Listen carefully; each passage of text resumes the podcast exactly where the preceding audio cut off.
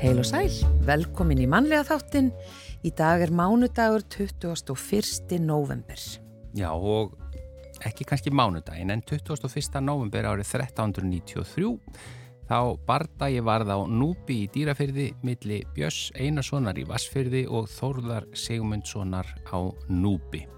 Tveir menn fjallu og margir særðust, menn Þórðar höfðu betur og flúði Björn í kirkju. 1878 fyrsta símaskráin í heiminum mun hafa verið gefin út í New Haven í Connecticut og inn í helt nöfn 50. Það voru 50 símnótendur. Já, þeirra var mm.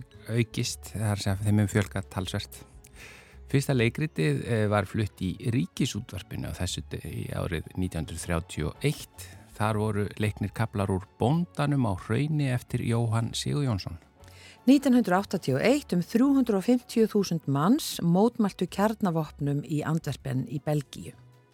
Samkvæmt könnun Hagvangs uh, á þessum degi árið 1984 á gildismati og mannlegum viðhorfum reyndust Íslendingar vera hamingu samasta þjóð í heimi. Já, ég hef aldrei skilið þessi úrslitt. Nei, ég held að við bara... Eða þessar niðurstöður. Þetta er ekki flesti sem segjast vera það, ég veit það ekki. Kanski hvað veit ég? Já, menn, hvað segir maður þegar fólk segir, hvað segir gott? Bara allt fínt, segir maður það ekki? Já, til að byrja mig, ég ánum bara að hugsa þetta bara akkurat um helgina. Þetta er mjög leiðandi spurning. Hvað segir þú gott?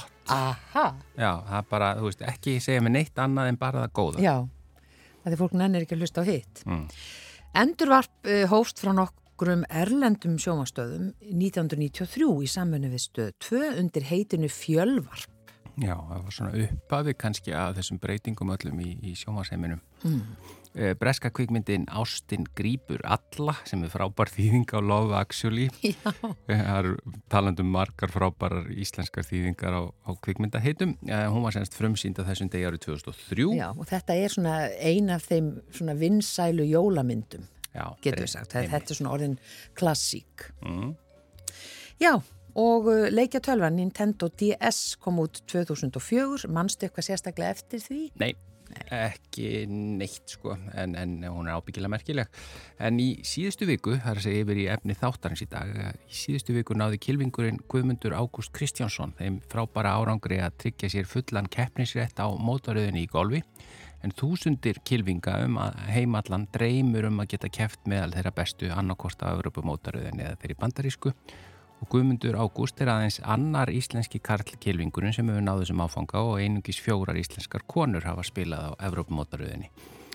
En samkeppnin er sem sagt gríðaleg og árangurinn er því glæsilegur hjá Guðmundi Ágústi. Eh, við ætlum að fá hann til að segja okkur aðeins frá því hvernig þetta gekk fyrir sig og hvernig líf atvinni kilvingsins er því að það er nú ekki allir hlustendur okkar einhverjir miklir kilvingar, bara svona aðeins má insýn inn í það. Já og, og keppnistímbili hjá hann að hefast bara strax í, í þessari viku. Hann er flóinn til Suður Afríku en meira um það hér á eftir. Já, þannig hann er lítið heima. Já, þetta þýðir að mikið ferðalög en mikið kostna, það er akkurat við spjöllum aðeins um það Já, hérna. akkurat Já, og svo er það vingillinn frá hann og Guðjóni Helga Ólafsinni skúfu skáldi og þjóðfræði áhuga manni úr flóanum. Og í dag ætlar hann að bera vingilsinn að hita veiturörum Já, og lesandi vikunar í þetta sinn er Snæbjörn Artgrímsson, bókaútgefandi og rítöfundur. Hann hefur átt ótrúlegan feril í bókaútgafu bæði hér á land og í Danmörku og nú er hann að skrifa. Og hann eh, er að gefa út spennusögu sína, eh, eitt satt orð, það er að segja að hann skrifaði hana. Eh, við sjáum hvort að hann sé að gefa hann út sjálfur, ég held að hann sé nú nokkur nefn komin úr því í byli. En hann ætlar auðvitað að segja okkur frá því hvaða bækur hann hafa verið að lesa undanfarið og hvaða bækur og höfundar hafa haft mest áhrif á hann í gegnum tíðina. En við byrjum á valgerði Guðnadóttur, Völu Guðna, hún syngur hér eh, falletla eftir Magnús Eiríksson við texta Kristjáns frá Djúbalæk við Arin Eld.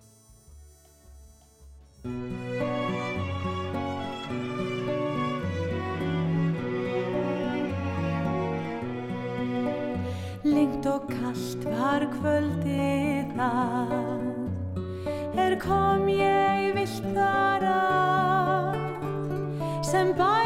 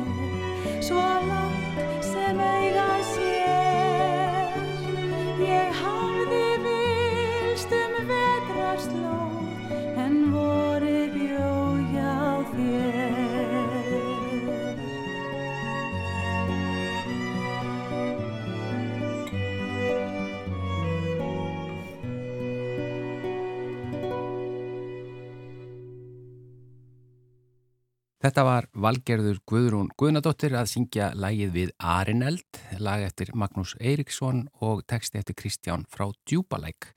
En eins og við sögum frá í upphafi þá náði Guðmundur Ágúst Kristjánsson þeim frábara árangri í síðustu viku að tryggja sér fullan keppnisrétt á Evrópumótaröðunni í golfi.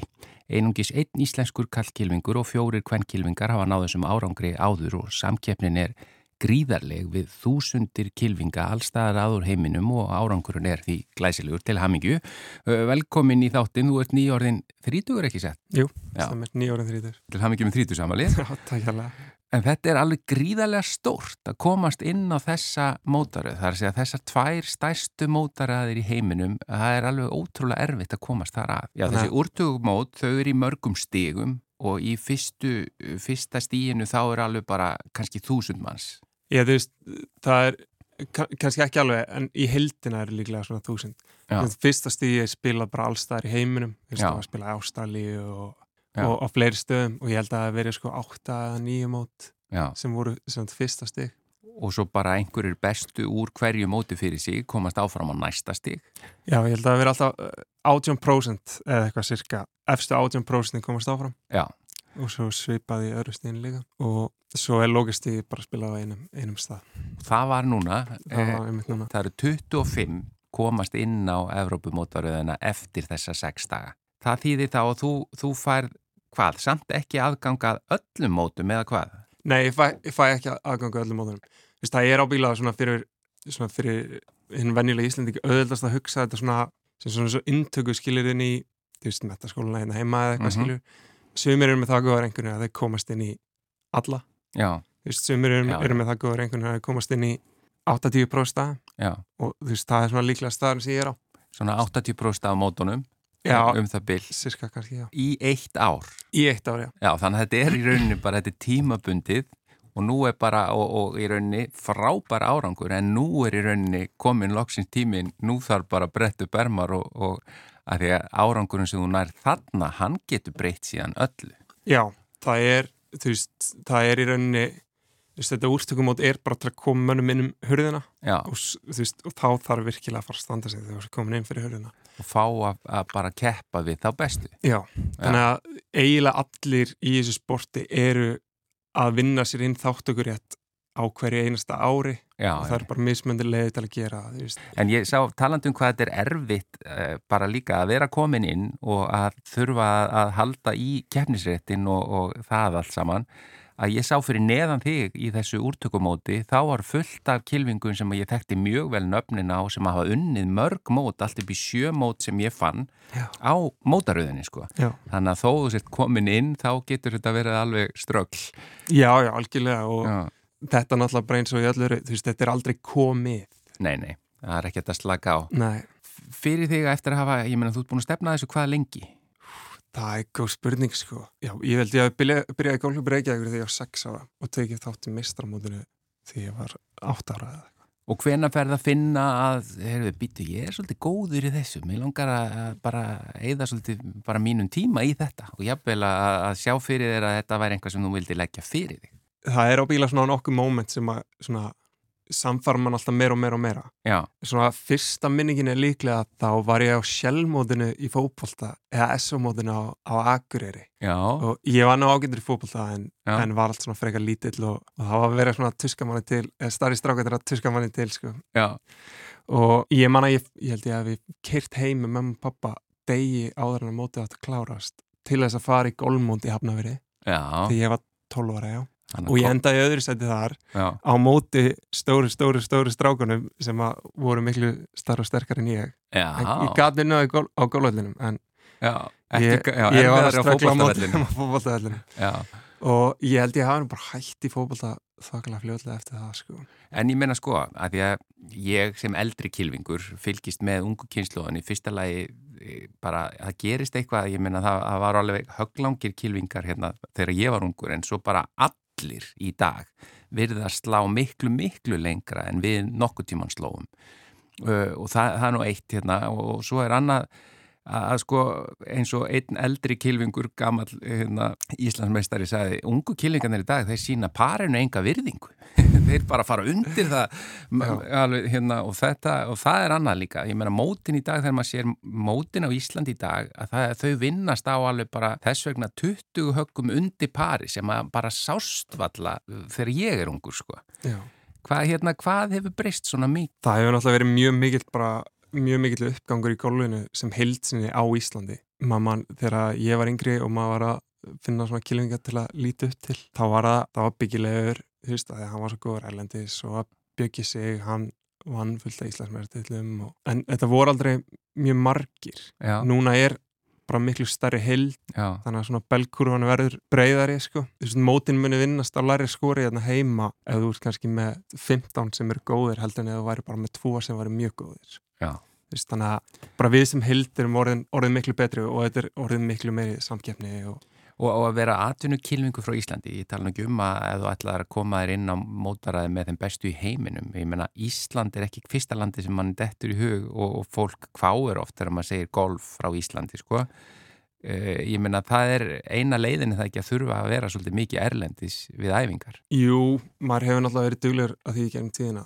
Svo ég fór í háskóla sem þetta í bandaríkunum. Já það er stór hlutur, margir íslenski kílunga gert það. Já, eftir það þá leið manni meira á heimavelli að spila Erlendis. Mm -hmm. Svo eða mann alltaf miklu tíma Erlendis að æfingaferðinar Erlendis eru kannski ekki jafn mikilvægar og er voru fyrir mann. Því að þegar maður var að byrja þá voru þetta svo framd aðstæðar sem voru Erlendis. En hver er sko bara getu munurinn að, að, að því er þetta ekki oft svo svag, bara hárfín lína hvort þú sért hérna megin við strikið eða ekki, að það gangi upp að komast inn á mótaraðarnar eða, ég meina, upplifir þú því þegar þú ert að spila með jafnvel mjög þekktum nöfnum, upplifir alveg bara, já, ég á alveg góðan sjans í það? Já, ég upplifa algjörlega þannig. Það er, náttúrulega stór munur bara er að vera orðin svona sjóaður í þessum aðstæðum. Já ég man, ég, þetta var sem því annarskipti sem ég fór í þetta loka úrstökumót mm -hmm. maður var mjög stressaður fyrst. Hvað er mörg ár síðan það var? Þa, það var sem bara 2019 já þegar ég kom að það fyrst, þá var þetta freka framanda aðstæður og mikið stress. Þannig að það mun þægilega komið þetta skipti að svona hafandi farið ánga áður. Já. og svo hef ég spilað svona challenge tour sem er svona önnur stildin í Európu og þar hittir maður svo marga af þessum stóru görum. Það, það er það er svo mikið flæði í uh, hvar menn spila. Sem er einmitt eins og segir hafa verið að vinna örmóturinni svo tveimur ára setna eru þeir bara komnir í harkið með mér já, já. þannig að maður hefur hitt fullt af, fullt af já, mönnum sem eru velþægtir í gálfhauminum Þannig að það hættir að stressa þig að mæta einhvern sem þú hefur verið að horfa í sjónvarpinu. Já, algjörlega sko. Já, og hvernig lítir þú núna á þennan stað sem, nú lítar margir á það að hérna sjá bara atvinnukilvinga og opposla háar vinningsupphæðir og að því svo er rosalega kostnaðir í öllum ferðalögum og mótin er út um allan heim. Hvernig gengur þetta fyrir sín núna? Ég er þetta leiðin til Suður Afriku bara eftir tóta Já, örstuðtferð Örstuðtferð eh, Það er þrjúmótar og svo eitt á lítið sem heitir Máritíðis Já, þannig að tímabilið er bara að byrja strax. Það byrja strax, það Já. næsta keppnistímbil byrjar faktisk í næstu viku já.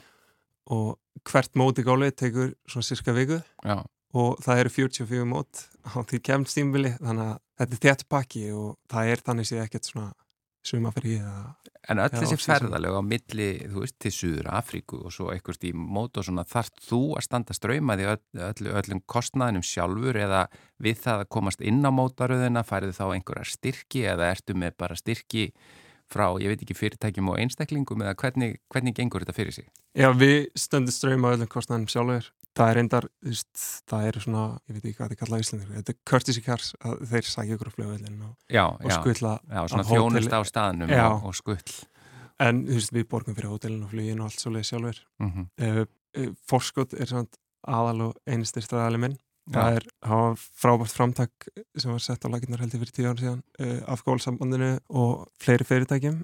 Þannig að ég held að í dag er þetta, þetta sjö aðlar í heldina þannig að þetta er Æslandeir, Eimskip, Íslandbanki, Vald og Vörður, Blálóni og gólsambandi, já. Sem að styrkja þá íslenska afreikskilvinga Já. já Þeir sem eru í svipari stöð og þú. Já, já. þannig að þeir hafa náttúrulega styrst margaði gegnum tíðina og uppgangurinn hefur bara verið eftir því sko. Svona helstu áreikin hafa verið síðan að þessi sjóða var settur á laginnar. Það er ekki eins og maður sé samt syndandi sælum með eitthvað, þú veist, ég á enga íbúið eða neitt svo leiðis, býjandaði með mamma og pappa. En þetta gerir þetta gerlegt fyrir þig að, að ferðast á millið þessara móta? Já, algjörlega og, og náttúrulega, þú veist, tegur náttúrulega bara meila press á manni líka, þú veist. Já. Maður vill ekki vera ekstra út á velli með eitthvað peningi og á milli högga, sko. Þannig að þeir eru bara, þú veist, það ekki skilið. En hvernig er sko að því nú sér maður eh, bestu kilvinga heimsur jafnvel með alveg heilt lið í kringum sig, alls konar þjálfara og líkansþjálfara og, og en, en bara hreinlega bara katti eða það er að segja kilvuberi. Nú, þar, nú ert þú að fara á þessa mótaruð, þú ert vantalega að hafa kilvubera? Já, en flesti þeir sem er í minnistöðu, mm. flesti þeir sem er í minnistöðu, þeir eru ekkit meðandilega eitt katti sem að fer út um allan heim já, já. með það, veist, eins og þegar ég fyrir Sýrafríku núna, þá finn ég bara einhvern á staðnum sko. sem þekkir völlin kannski og eitthvað slíkt Já, þú veist, ekki dendilega það er bara losna við kostna þenn að fljú einhverjum allarleið þangað og, og svo leiði sko. En já, þannig að þú ert ekki að fara að taka íslenskan kilvisvein með þér? Nei, þetta er líka dallir stuttu fyrir að vera fyrir fólki í vinnu og, og svo leiðis Já, þetta er ótrúlega spennandi hérna, sko aðeins bara, ég kennst ekki hjá því að spyrja að því það eru svo mikla hræningar í golfheiminum mm -hmm. uh, og sem að fólk svona hefur fréttað því að það er þessi mótaröð sem er, er á uppröðunum sinn í Sáti-Arabíu sem að Grega Norman hefur og hafur mikið stríð við PGA mótaröðuna sérstaklega í bandaríkjánum Hvernig lítið þú á þetta? Ég menna það er mikið að gerast í golfheiminum og og svona, hvað, hvað heldur þú að sé núna framhaldið á þessu og hvernig líst þér á þetta? Þú veist, þetta er náttúrulega mjög svona þetta er nánast svona pólitísk umræða mm -hmm. sem er náttúrulega svona, þannig að það er mikill klopningur í golfheiminum yfir, yfir alltaf þessu mm -hmm. uh, þetta er náttúrulega svona spurningar hvaðan peningarnir sé að koma og svo leiðis. Mm -hmm. Það sem að kannski við leikmennir það sem okkur kannski líst vel á við þessa mótaröðin er að mótaröðin er að það fá allir borga uh, mótaröðin sagt, ef að leikmáður borgar kattíinum x upphæð mm -hmm. fyrir mót þá borgar mótaröðin sömu upphæð og þá upphæð fyrir kattíin Það er miklu meiri peningar þarna miklu meiri peningar. en veist, þetta er náttúrulega bara líkara kannski svona öðrum íþróttum að, veist, eins og í fókbaltanum menn fá alveg borgað þau tapir sko Já, þetta er það sem að maður kannski og ég bara e, sem fylgist með þessu þetta komið pínu óvart að átta mig á því fyrir en að þetta mál kom upp að í rauninni þó að þú hafi gengið gegnum allt þetta ferli eins og mm. við tökum bara þig sem dæmi í öll þessi ár, kemst loksins inn á mótaröðina en það var engin trygging þar, þá ertu mm. bara samt að sjá algjörlu um því sjálfur rosalega mikil kostnaður og það er ekkert sem tryggir það að þú fáir þessar tekjur sem að vissulega eru en þú þarf að ganga hansi vel til þess að fá þær þannig að þú getur alveg farið út úr því án þess að, að, að eða er að bara með mikinn kostnað á bakinu. Já, algjörlega og maður hefur alltaf, þú veist, maður séð fréttra mönnum, þú veist, með kannski sem eru kannski með fjölskyldu og hús og, og þurfa að standa ströyma kostnaðinu við það mm. ofan á kostnaðinu við golfið sem að hefur kannski gengið ítla allt árið og svo lenda þær í þú veist, þriðasæti og það bjargar árunnu Já. hjá þeim þú veist, búin er að koma á feitan yfirdrátt og leiðist þú veist, þannig að bjargar mínusnum Já, Já, þannig að þú veist, það er ekkert, gefinst í þessu nema og sérst á þess að livmótur þá farið borgað. Já, þar er, þar er allan að tryggðar greiðslur Já. En hvað, ég er bara rétt í lokina því nú er bara þú ert komin inn á mótaruðina sem að hérna, þú er reynd lengi. Og hver, hvað er svona, hvað er um, hver er um markmiðin? Ég er nú ekkert, ekkert búin að setja mér neina markmið ennþá allavega. Og mm. það væri kannski aðeins að fýnda dívatána aðeins svona í söldlegina að maður fyrir að ákveða það sko. Þannig að ég, ég er að fara í fjögum mót núna og kem svo í smá jóla frí og frí yfir áramót og kannski frí já, kannski megnaði janúar líka og þá, þá getur maður aðeins svona tekið aðeins ígrundari ákvarðanir um hva, svona hvað sé raunhaft og maður vil náttúrulega ekki fara fram sjálfur sér heldur sko. maður veit að þetta komið alveg á efsta level og það er mikil, mikil gæði þarna Mikil samkefni. Mikil samkefni. En miða við það hvernig þið gekk núna í mótunum bara sem að var að ljúka talandum að sína pari ekki neina virðingu. Þú varst ádján höggum undir pari. Mm. Það er hans sem ekki. Þú ert greinlega í góðu formi og ert að spila vel. Ert að spila, er þitt besta golf núna? Nei, ég myndi ekki segja það sko. En þetta var mjög svona árangsríkt. Þetta var meira svona fjóri fjóri tverkjari sem Ísland spilaði á EM hann 2016. Taktíst. Þetta var taktíst og svínverkaði bara. Já. Þannig að í þessu eins og í allu öðru þú veist, ef þú gerir lítið af mistökum þá losa það mikið stress úr þér og, og þú getur svona leift svona góðu hlutan og bara tikka inn að, að það eru, það eru þá fáum mínusar á móti plúsanum sem það farið Guðmundur Ágúst Kristjánsson þakka kærlega fyrir að koma í manlega þáttin Já, og segja okkur frá þessu og bara innilega til hamingi og gangið vel við takk. verðum að fylgjast með. Það nú verður gaman að fylgjast með Europamótaröðina í það minnst á næsta ári vonandi miklu lengur. Algjörlega. Takk fyrir spjall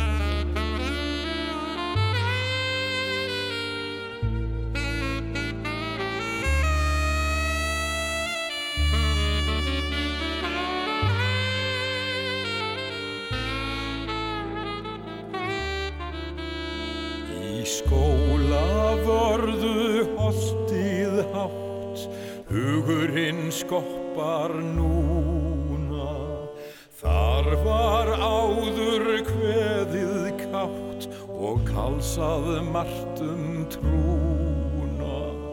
Þar var herdís, það var smútt, þar skein sól í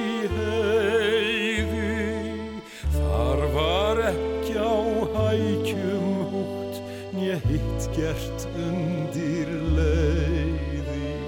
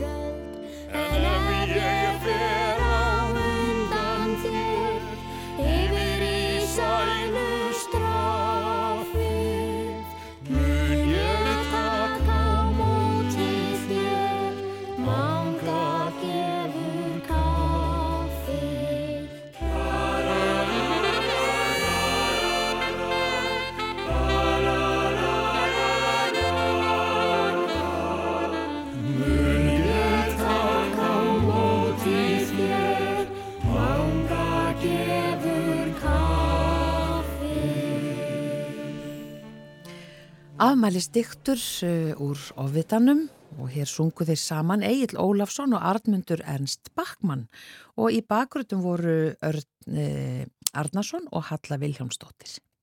Já, uh, það komið að vingli frá Guðjáni Helga Ólasinni, skúfuskáldi og þjóðfræði áhuga manni úr flóanum. Hann ætlar að velta fyrir sér að leggja vingilin við hitaveitu rör. Ágætu hlustendur. Hér á Íslandi búa flestir, þó alls ekki allir og til dæmis sá sem hér mælir, við þann luxus að geta hýtað heimili sín með hýtaveituvatni. Það er ekkit minna en stórkostlegt í landi sem er jafn döglegt að frussa fyrirbærum með nöfn eins og slittu, útsinning, landsinning, norðan garra, skafrenning, kuldanjóð, austræningskalda, hundslappadrífu, stormsveljanda og öðrum álíka spennandi veðurtengdum óþverra yfir íbúana fyrir þá að eiga upphituð heimili sem býða þeirra eftir slæman veðurdag. Það er mikil nöytn að fara í heita sturtu eftir blöytan og kaldan dag við vinnu utandira geta jafnvel gengið um á upphituðu gólfi eftir að hafa staði í skýt köldum drullupolli allan daginn. Það ekki sé nú talað um þægindin við að geta þurkað skófatnað, vettlinga, húfur og önnur útivinnu föt á sjóðandi heitum opni yfir nótt. Ég veit ekki hvort að hlustendur hafa persónulega reynslu af því að klæðast blöytum og köldum hlýðarfatnaði að morgni vinnudags í vetrarumhlefingum Vona þeirra vegna að svo sé ekki, en ekki til þess fallið að auka nokkuri mannesku vinnu gleði. En hitaveitur landsins sjá til þess að við getum allavega lagt af stað í þurrum hlýðarfötum, þó að staðan verði kannski önnur þegar við komum heim. Við skulum sláði förstu að landnámsmenn, hvaðan sem þeir komu, hafi reynd að baða sig í því volga vatni sem þeir fundu á sínum ferðum eða í nágrenni við bústaði sína.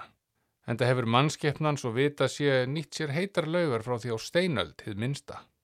En elsta varðveitta veitumannvirki á Íslandi er nú sennilega laug Snorra Sturlusonar í Reykjóldi. Snorri var fættur seint á tóltuöld. Lögspekingur, skáld og stjórnmólaskörungur eins og margir vita og let gera snorralaug sem var rétt og rúmlega það sem kallast heitur pottur í dag með því að veita vatni í lokuðum stokk, hlöðnum úr grjóti, úr hvernum skriblu. Um 120 metra leið að lauginni var þar komið fyrsta hýtaveiturrör á Íslandi. Síðan kom nú nokkur langt hlýja í þeim bransa en árið 1968 hóf steipu yðjan á Selfossi starfsemi sína, nú þekkt undir nafninu SET og eru það sögn eina sérhæfða röraverksmiðan á Íslandi. Það er útaf fyrir sig stórmerkilegt að í hlutir veitumannvirkjar skuli vera framleitir á svo fámennu landi í litlu þorpi austur við Ölfusá. Hún er auðvitað stórmerkileg þessi saga jarðhýttanýtingar hér, þar sem fordmenn byggu til veitumannvirki og nýttu, en í mörg hundruð ár skalfsamt mannskapurinn hér úr kulda, brendi hvert einasta sprek sem til var og gekka lokum og eftir hústýrum sínum til að geta þurkað affallið og brent sér til hýta á meðan hverinnir kraumuðu fyrir utan, engum til gangs. Svo þegar við förum að hafa hér einhver auraráð, verður engin hver svo lítill að ekki megi nýta og engin lækur svo lítill að ekki megi virkja. Jarðhita nýting verður hreinlega stóriði á Íslandi og sér ekki fyrir endan á þeirri vegfærð þegar þetta er ritað. Ragnar heitin Kristjánsen í hveragerði var um árabil starfsmæður Garðirkjuskólans á Reykjum og kunni á ymsu skil Sæði skemmtilega frá og var orginal húmoristi. Eins og títt var um hvergerðinga af sinni kynnsló þurfti Raggi að kunna grundvallaratriði í varmaverkfræði þó að mér sé til efs að hann hafi átt skriflegar viðurkenningar því til staðfestu. Þetta þurftu menn bara kunna til að halda gróðurhúsum á dampi og heimilinu heitu. Ég þáði margar góðar sögur hjá Ragnari í gömlu smiðjunni á Garðirkjuskólanum, til dæmis af Palla Glussa sem vildi koma fyrir kjarnorku sól uppi á hamrinum og útrýma skamdeginu. Hugmynd sem segja má að hafa orðið að veruleika með öðrum hætti nú þegar flestir gróðurhúsabændur rekta undir ljósum. Hann vildi líka mála gamlan brakka á staðnum með blöndu af undanrennu og geyslavirkum ísótópum svo hann erið ekki ónýtur af riði. Þarna voru menn uppteknir af nýjastu tekni og vísindum sinnar ártíðar. Hjá Ragga fekk ég örnámskeið í einfaldri gerð af veitutekni þegar hann útskýrði fyrir mér hvernig farið var að við að hita húsin í bænum áður en farið var að bóra eftir vatni og leiða heitt vatn eftir pípum um allan bæ. Nú þá fekk maður sér bara gamlan pottopp og tengdi tömmurör inn á hana neðan en treykvar tomma ofan og hent honum út í hver. Þetta var síðan tengt inn á miðstöðuna og hún fyllt af vatni.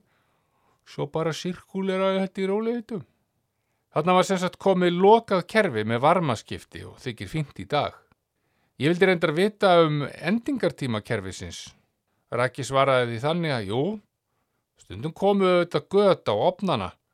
Þeir voru yfirleitt gamlir, en þá hendum en bara öðrum opni ofan á hinn sem var yfirleitt sokkinn í hvera leirin hvort þeir var. Engin vandabál, bara lausnir. Sumir kannast við eftirnafn Ragnars en Hans Kristjansen var bróður hans. Listmálari af bestu gerð.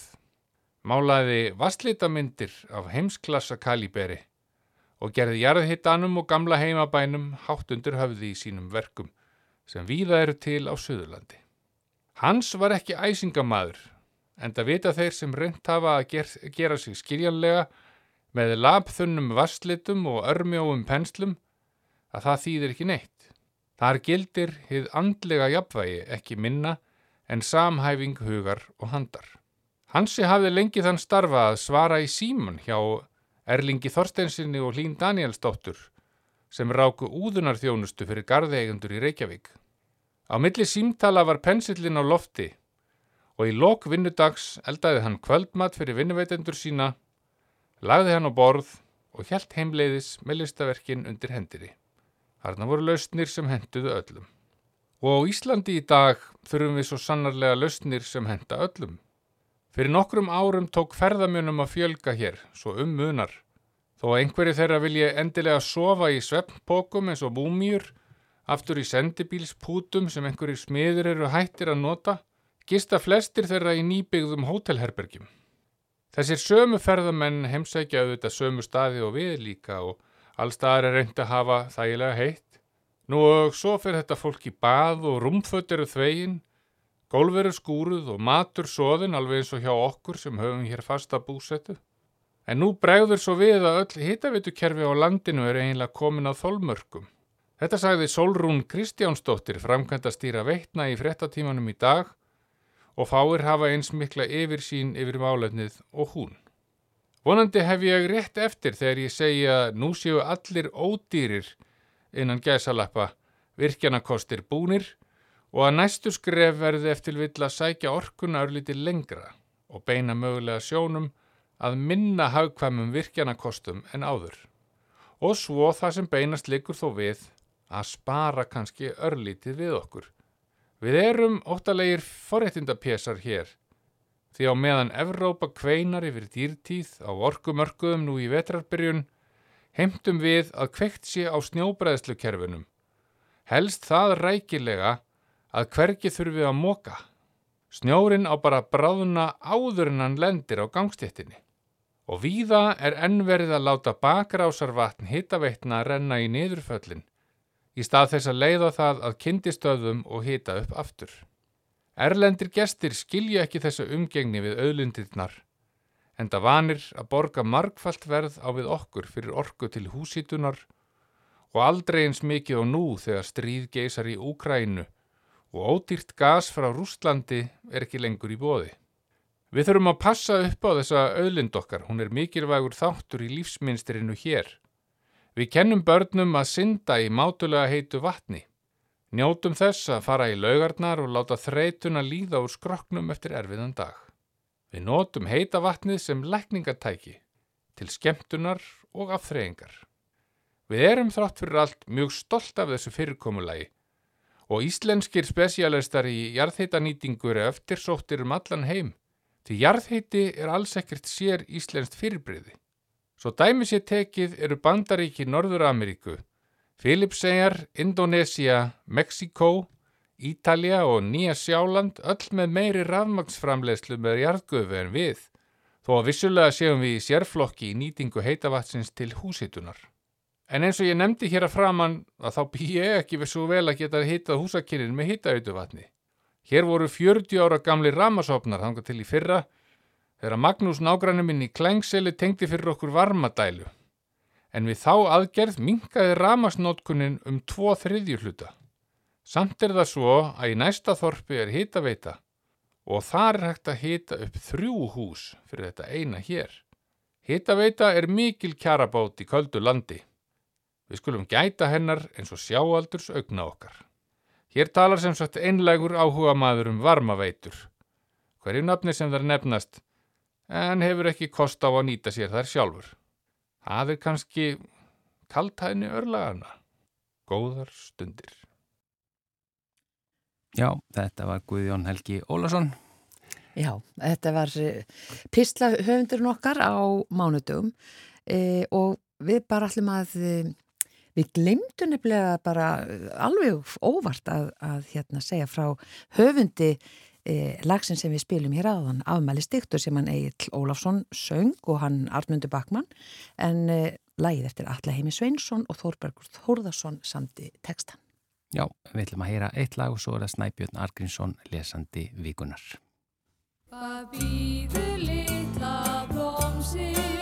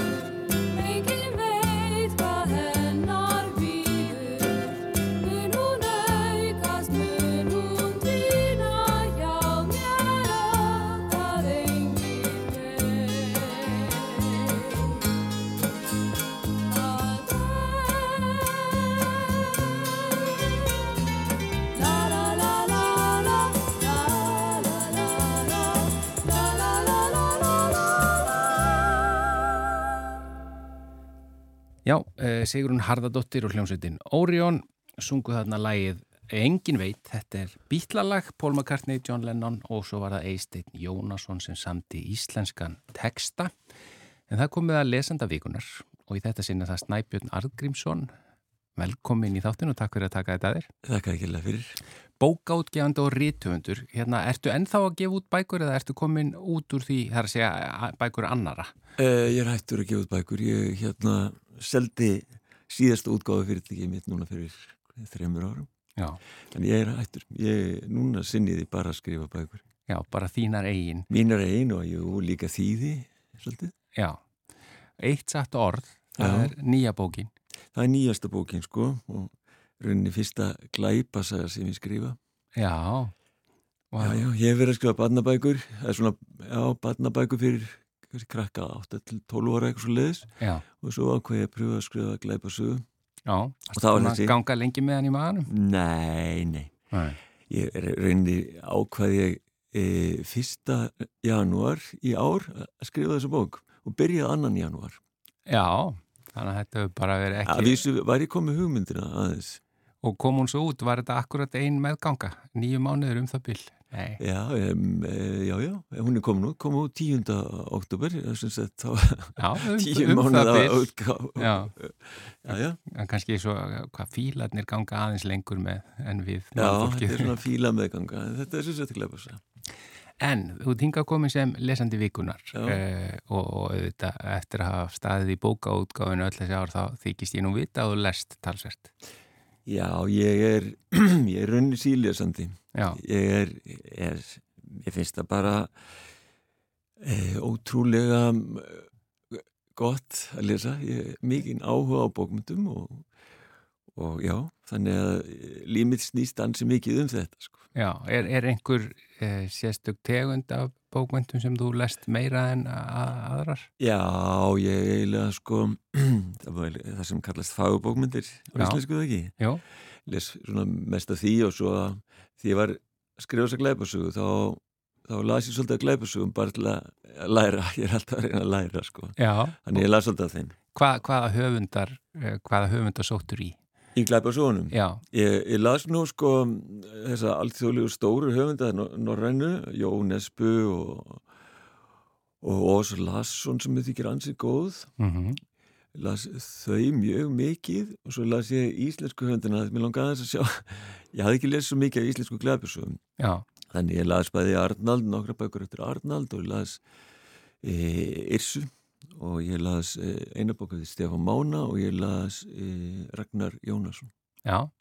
Þetta er alveg magnaður uppgangur hérna norrætna glæpasagna Já, uh, og merkilegt hvað Já. þetta er að bara seljast út um allt. Ég, ég nú bara beig hérna frammi og las frétt í morgunblæðinum að þau, þau þrjú, Arnaldur, Ragnar og Irsa, varu samtals búin að selja 28 miljón bóka.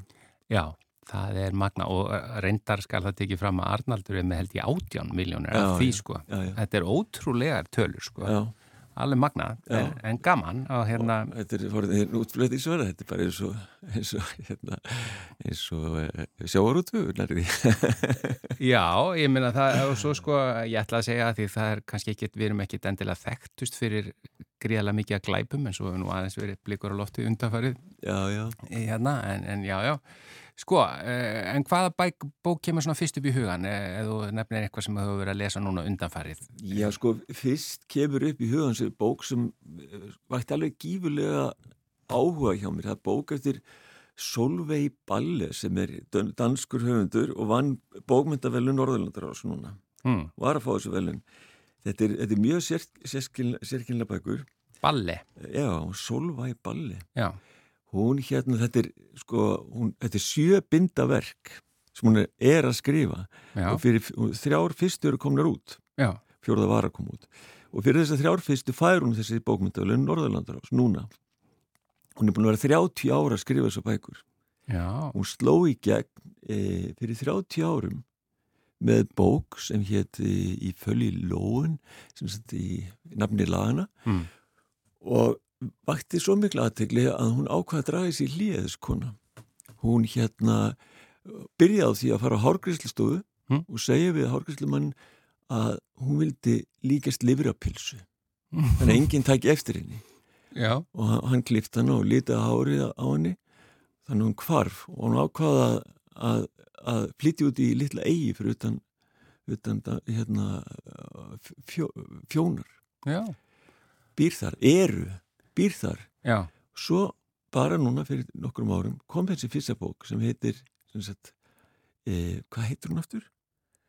Já, om úðræning af rúmfang sagt, e, rúm, rúmválsreikningur á íslensku og þú lest hana á dansku eða? Já, ég lest hana á dansku Já. Og þetta er bók sem gerist 18. november aftur og aftur hún vaknar alltaf til 18. november en allir aðrir halda áfram með lífsitt sko En, en þá ár eftir ár eða, eða líður meira en eitt ára Bara, Nei, nei, 18. november, sami er... dagur, aftur og aftur og aftur. Nei, va, já, þetta er svona Day. Já, nákvæmlega. Og svo fer hún að sakna ímislega það því hún vaknar alltaf til sama dags. Og, og þetta er semst haustmánuðurinn, hún býr í Fraklandi þegar þetta gerist. Og hún fer að sakna árstíðan, þannig hún fer að flytja sig norður á búin til að fá almenna vetur. Og fer að flytja sig söður á búin til að fá sömar og þessi dagur eldir hann bara hvert sem hún fer. og hún reynir alltaf að finna hvað er smugan út úr deginum? Hva, hvað kemst ég út? Hvað gerði ég þennan 18. november þegar þetta gerðist fyrst? Já. og svo er það svo mikið að leita hvað er smugan hvað kemst ég út. Það komst út í 19. november og þetta er sjöbindi þau eru öll, ég ætlaði að spura hvort þetta væri bara fyrsta bókin Nei, nei, öll gerast átjönda november og hún er búin að skrifa þrjár.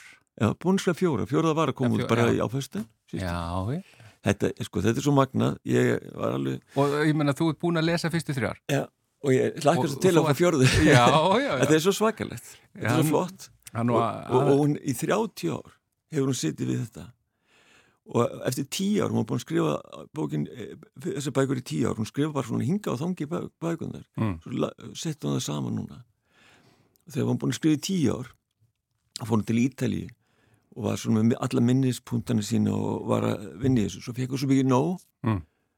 að hérna hún tók allt drastlið og hendi út í Ruslatunni að á Ítali og bara ég nennus ekki lengur, ég er hætt En sko bara líf hennar hljómar mjög áhugavert. Já, já, en, en þessar bækur er ekkit um hennar líf, neitt. Nei, nei, nei, þetta er bara skáltsaga. Já, hún hendur öllu. En þetta eru mjög tilvistarlegar spurningar greinlega, svona existential. Allt saman daginn, sjöbind í röð. En hún hendur þessu sko og svo þegar hún sá öskubílinn koma, þennan ítalska öskubíl, þá hoppa hann á kæti og bara, ég er frjáls, ég er frjáls. Wow. Og svo held hann áfram.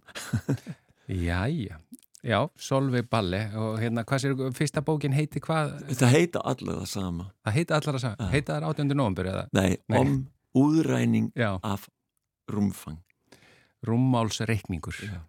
Vá, þetta, ég hef áhuga að kynna mér þetta, en hefur þær komnar út á íslensku eða? Ég veit að, að, að, að Benedikt allar að kaupa fyrsta bindið. Sjá hvernig það leggst í landsmenn. En þetta er líka merkilegt að það er búin að segja fyrirfram að verði sjöbindi. Þetta minnir nú doldið á, á Harry Potter sko.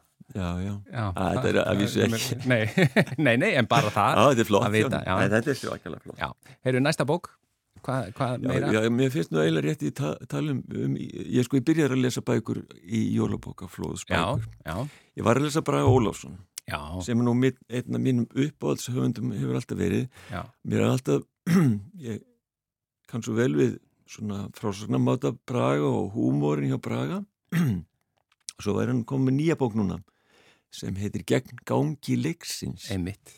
Og sem sagt fjallar að sem sagt, ég ætlum ekki að segja eitthvað þetta, þetta er bók sem, sem ég var að lesa Mér finnst þetta ekki eina bestu bókum Braga en mér finnst alltaf gaman að lesa Braga. Já, hann er stórkvæslega. Ég var þannig að þegar hann kom með ansjósur, ég gekk með þá bók í vasanum í mörg ár mm. og las hann að hvena sem tækifæri gafst, ég var svo ánað með þetta.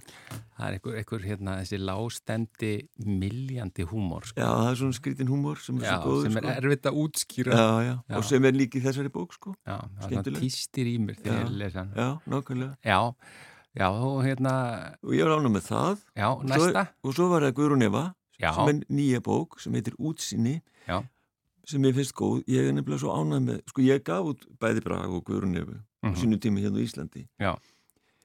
Ég gaf út fyrstu bók, Guðrunni sem hétti á meðan þú horfur á mig er ég Marja May sem var smásangsar ég var gífilega stoltur að finna þess unga höfund hún var kornungun Eva og ég, ég var mjög ánægð með mig að fundi svona æðislega rött í íslenskum bókmyndum mm -hmm.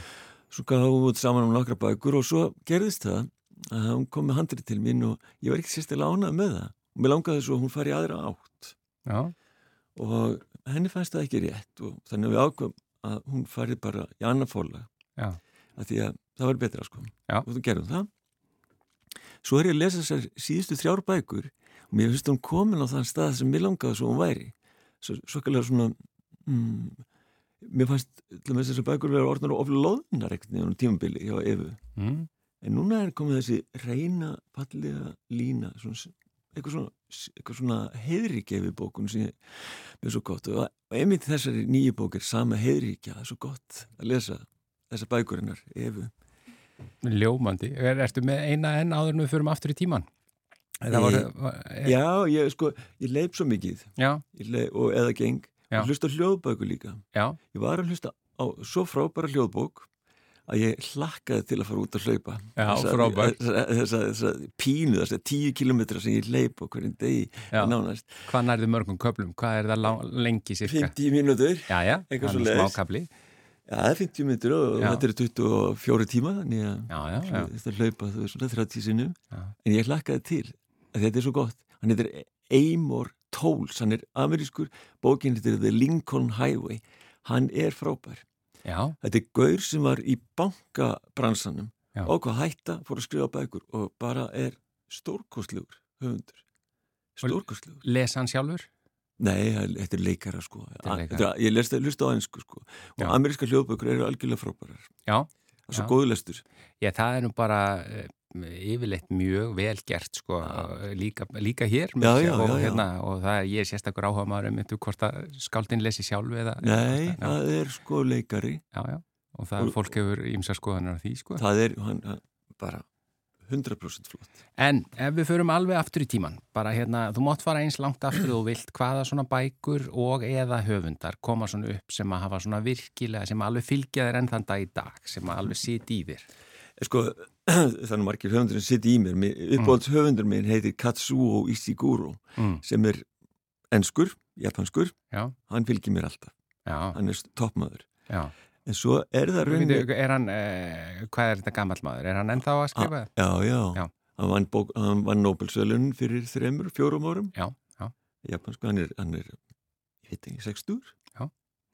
Við erum góður um þetta, Ísigur, og hann skrifaði bókinu sem hér Drekja dagsins, The Remains of the Day, sem var kvikmynd. Já, já. Stórkostleg kvikmynd, stórkostleg bók. Já. En mér langar nú bara að segja, sko, að það er einn bók sem hafði svo gífilega ára á mig því að ég var eiginlega unlingur sem heitir Splungun í dagur eftir Pétur Gunnarsson sem er ljóðabók Já. hún hafði svo mikil áhrif á mig sem kornungumadur ég fór að lesa ljóð sko. og ég mér þótt svo fallegt að ég velritaði ljóðinu upp og hengdu upp á vekk á, á unglingaherbygginu mínu Já. ljóð á unglingaherbygg á rítvél Já, Já. Já mér þótt það svo frábært Já, svo e, bara þetta, þú veist af, af, af hvernig var þetta?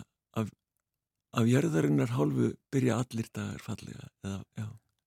já, já, já, já þetta er svo fallega þegar bara ein ljóðlína getur einhvern veginn hitt mann beint sko. já, já, þetta var, svo, þetta var allt í þessu ég skrifaði þetta upp og hengdi þetta upp þegar aðra voru kannski með flaggut af hljóðstöðunum sín þá var ég með ljóðlínur já, já, það er nú af sama meði einhvað sem snerti mann mikið já, já, já. þetta var þetta ræðilega hallir að sluta sín tíma sko Snæbjörn Argrínsson, uh, þakka þér innilega fyrir að vera lesandi vikunar í mannlega þættinum í þetta sinn. Já, takk fyrir. Og þættinum er bara lokið í dag. Við verðum hér auðvitað á sama tíma á morgun. Þakkum innilega fyrir samfélgina í dag.